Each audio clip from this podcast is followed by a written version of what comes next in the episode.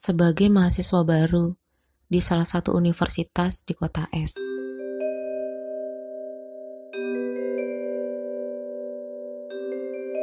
Selama semester awal kuliah, aku kos di sebelah kampus yang berada di jalan Diponegoro. Sebelum akhirnya keluargaku pindah untuk menetap di kota yang dulu berhawa sejuk ini. Tidak sebelah persis sih, melainkan berjarak tiga bangunan dari pintu gerbang keluar kampus. Kos ini memiliki kurang lebih 34 kamar tidur yang luas, yang diisi dua penghuni di masing-masing kamar, serta 11 kamar mandi. Sebagian memiliki kamar mandi pribadi, namun sebagian besar adalah kamar mandi bersama dengan penataan ruang kamar yang berhadapan. Dan di antaranya adalah lorong panjang yang dijadikan ruang TV, dapur kecil, dan ruang makan. Biasanya kami berkumpul di sana jika sudah tidak ada perkuliahan. Teman sekamarku, sebut saja namanya Maya. Kami satu fakultas dan satu angkatan. Sebenarnya, Maya juga punya seorang kakak yang tinggal di kos itu. Bahkan, kamar kami dengan Karatna, kakaknya Maya, berseberangan. Tapi Ratna sudah lebih dulu memiliki teman sekamar saat itu. Malam itu, sepulang kuliah, aku sampai di depan kamar kos dan melihat Maya duduk sendirian menonton TV. Aku masuk kamar, berganti pakaian, dan keluar sebentar untuk mencari makan. Selesai makan dan kembali ke kos, Kulihat Maya masih asik menonton TV.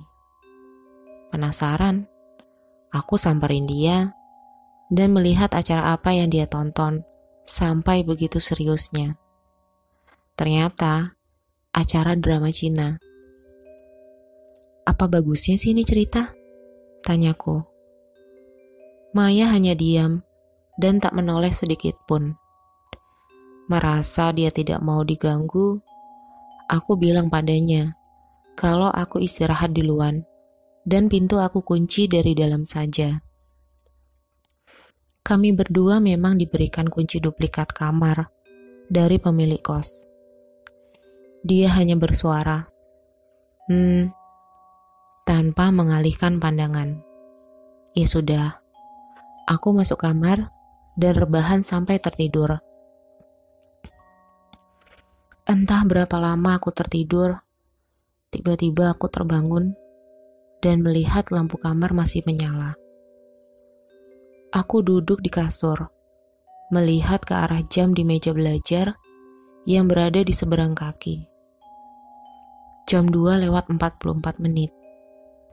Kucek-kucek mata, aku mengalihkan pandangan ke kasurnya Maya yang ada di sebelah kanan.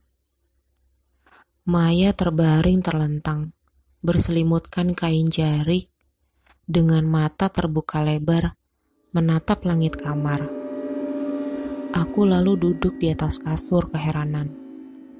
Mai, kamu kenapa? Ada masalah? Dia hanya melirikku sambil berkata, Gak apa-apa. Lalu menutup seluruh mukanya dengan kain jarik karena masih mengantuk, aku tidur lagi. Aku terbangun, mendengar bunyi alarm jam di meja. Kumatikan alarm, lalu membereskan selimut dan spray.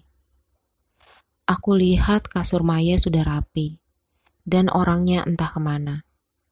Aneh ya, kapan dia bangun dan pergi?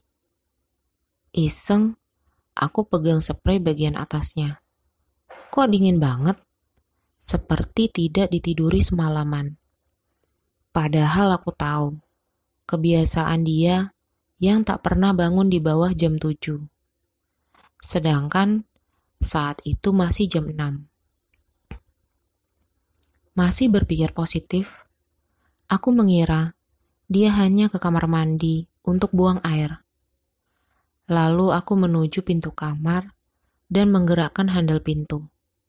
Loh, terkunci. Tanpa berpikir, aku meraih kunci kamar di meja, lalu membuka pintu dan mandi. Harus bergegas, karena kuliahku hari itu dimulai jam 7 pagi. Sekitar jam 10, aku sampai di kos, sambil menenteng sarapan pagi aku melihat Maya duduk di depan TV. Aku langsung menuju ke sana dan duduk tidak jauh darinya. Ruang makan dan ruang TV memang digabung. Sambil makan, aku tanya Maya, kenapa dia pagi-pagi sudah pergi meninggalkan kamar. Kali ini, Maya menatapku bingung. Maksudmu piye? Iya, Mai. Semalam kamu ingat gak? Kalau kamu tiduran sambil melotot ke langit kamar. Kamu kenapa? Ada masalah apa? Cerita aja sama aku. Gak bakal aku bocorin ke siapa pun kok. Maya bingung dan bilang kalau dia semalam tidur di kamar kakaknya. Kali ini giliranku yang bengong. Terus yang di kamar semalam denganku siapa? Tiba-tiba, Maya menjerit histeris memanggil Kak Ratna. Tapi, tidak cuma Kak Ratna yang keluar kamar.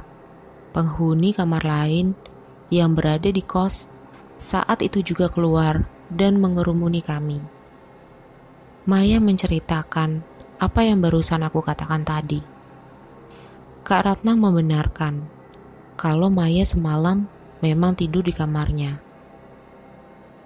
Kak Ika, salah satu penghuni kos yang ikut bergabung, akhirnya cerita jika kos ini memang sering terjadi kejadian aneh.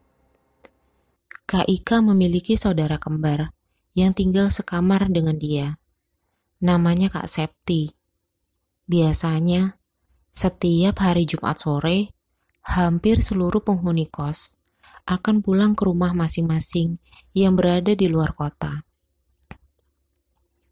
Rumah Kak Ika dan Kak Septi ada di kota Rembang. Butuh waktu kurang lebih 4-5 jam untuk tiba di rumahnya. Seperti biasa, Kak Septi Jumat siang itu sudah selesai packing barang untuk pulang ke rumahnya. Namun, Kak Ika yang memiliki kelas pengganti di Jumat malam tidak ikutan pulang.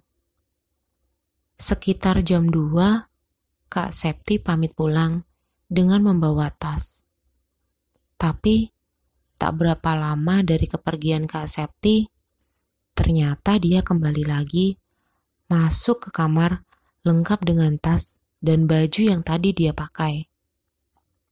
Kak Ika bingung Lihat Kak Septi kembali lagi dan langsung rebahan di kasurnya, sambil salah satu tangannya di atas kening. Kak Ika tanya, kenapa dia kembali? Apakah dia sakit? Apakah dia butuh obat? Tapi Kak Septi yang saat itu terlihat pucat, hanya dia memejamkan mata seperti orang tidur. Kak Ika yang tidak mau mengganggu dan harus mengerjakan tugas kuliah, akhirnya mendiamkan Kak Septi, lalu kembali dengan kesibukannya. Kurang lebih jam 5, Kak Ika bersiap mandi dan mengambil peralatan mandi di atas lemari. Kak Ika menoleh ke arah Kak Septi yang masih tertidur dengan posisi menghadap ke tembok. Kak Ika lalu keluar ke kamar mandi. Setelah dia mandi, dia balik lagi ke kamarnya. Tapi ternyata Kak Septi sudah tidak ada. Bahkan tasnya juga tidak ada. Dan kasurnya sudah rapi. Kak Ika mulai agak panik. Lalu coba menghubungi handphone Kak Septi. Namun tidak ada jawaban.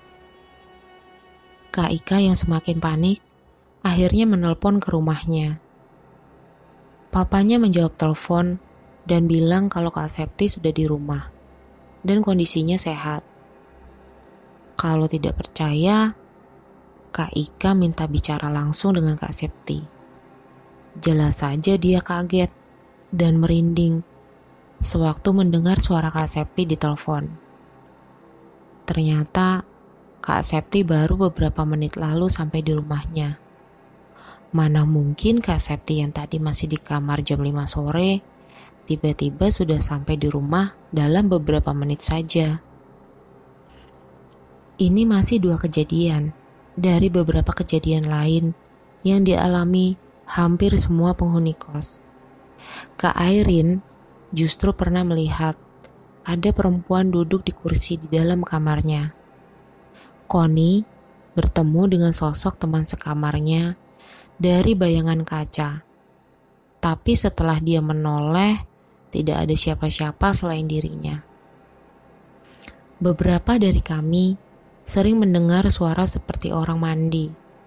Padahal di kamar mandi itu kosong dan pintunya terbuka. Barang-barang kami juga sering berpindah sendiri atau menghilang dan ditemukan di tempat yang tidak seharusnya. Pernah di suatu malam, aku ingin buang air kecil di kamar mandi.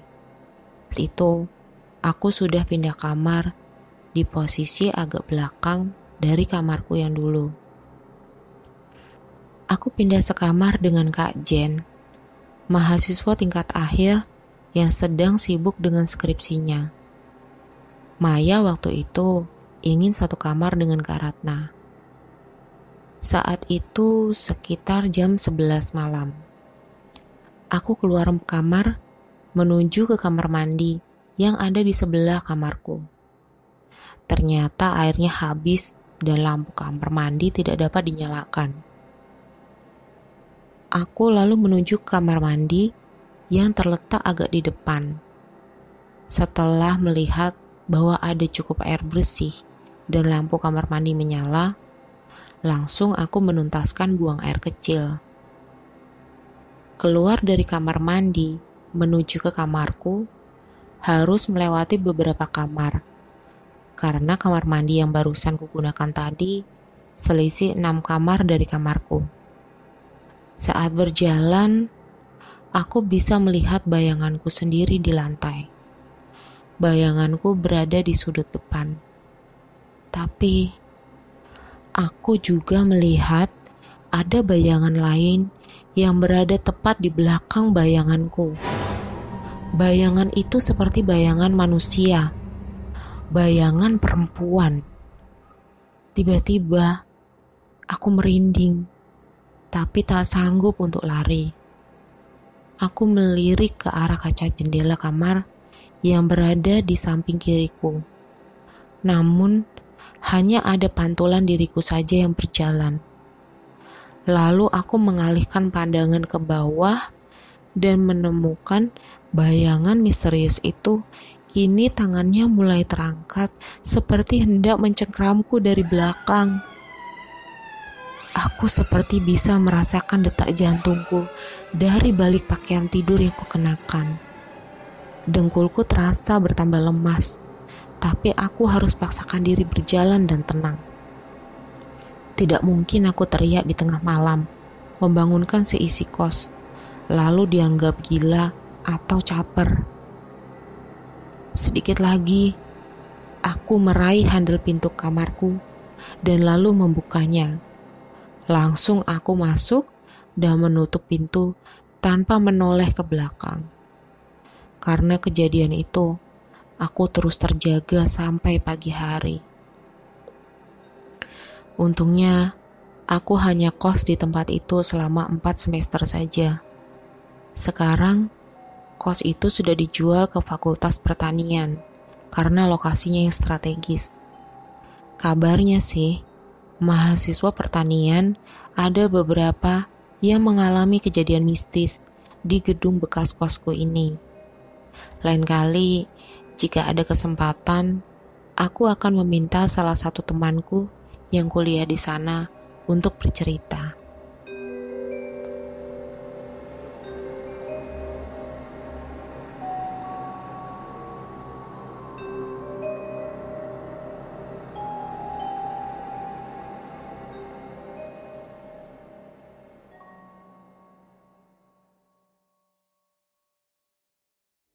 Kamu juga punya pengalaman horor?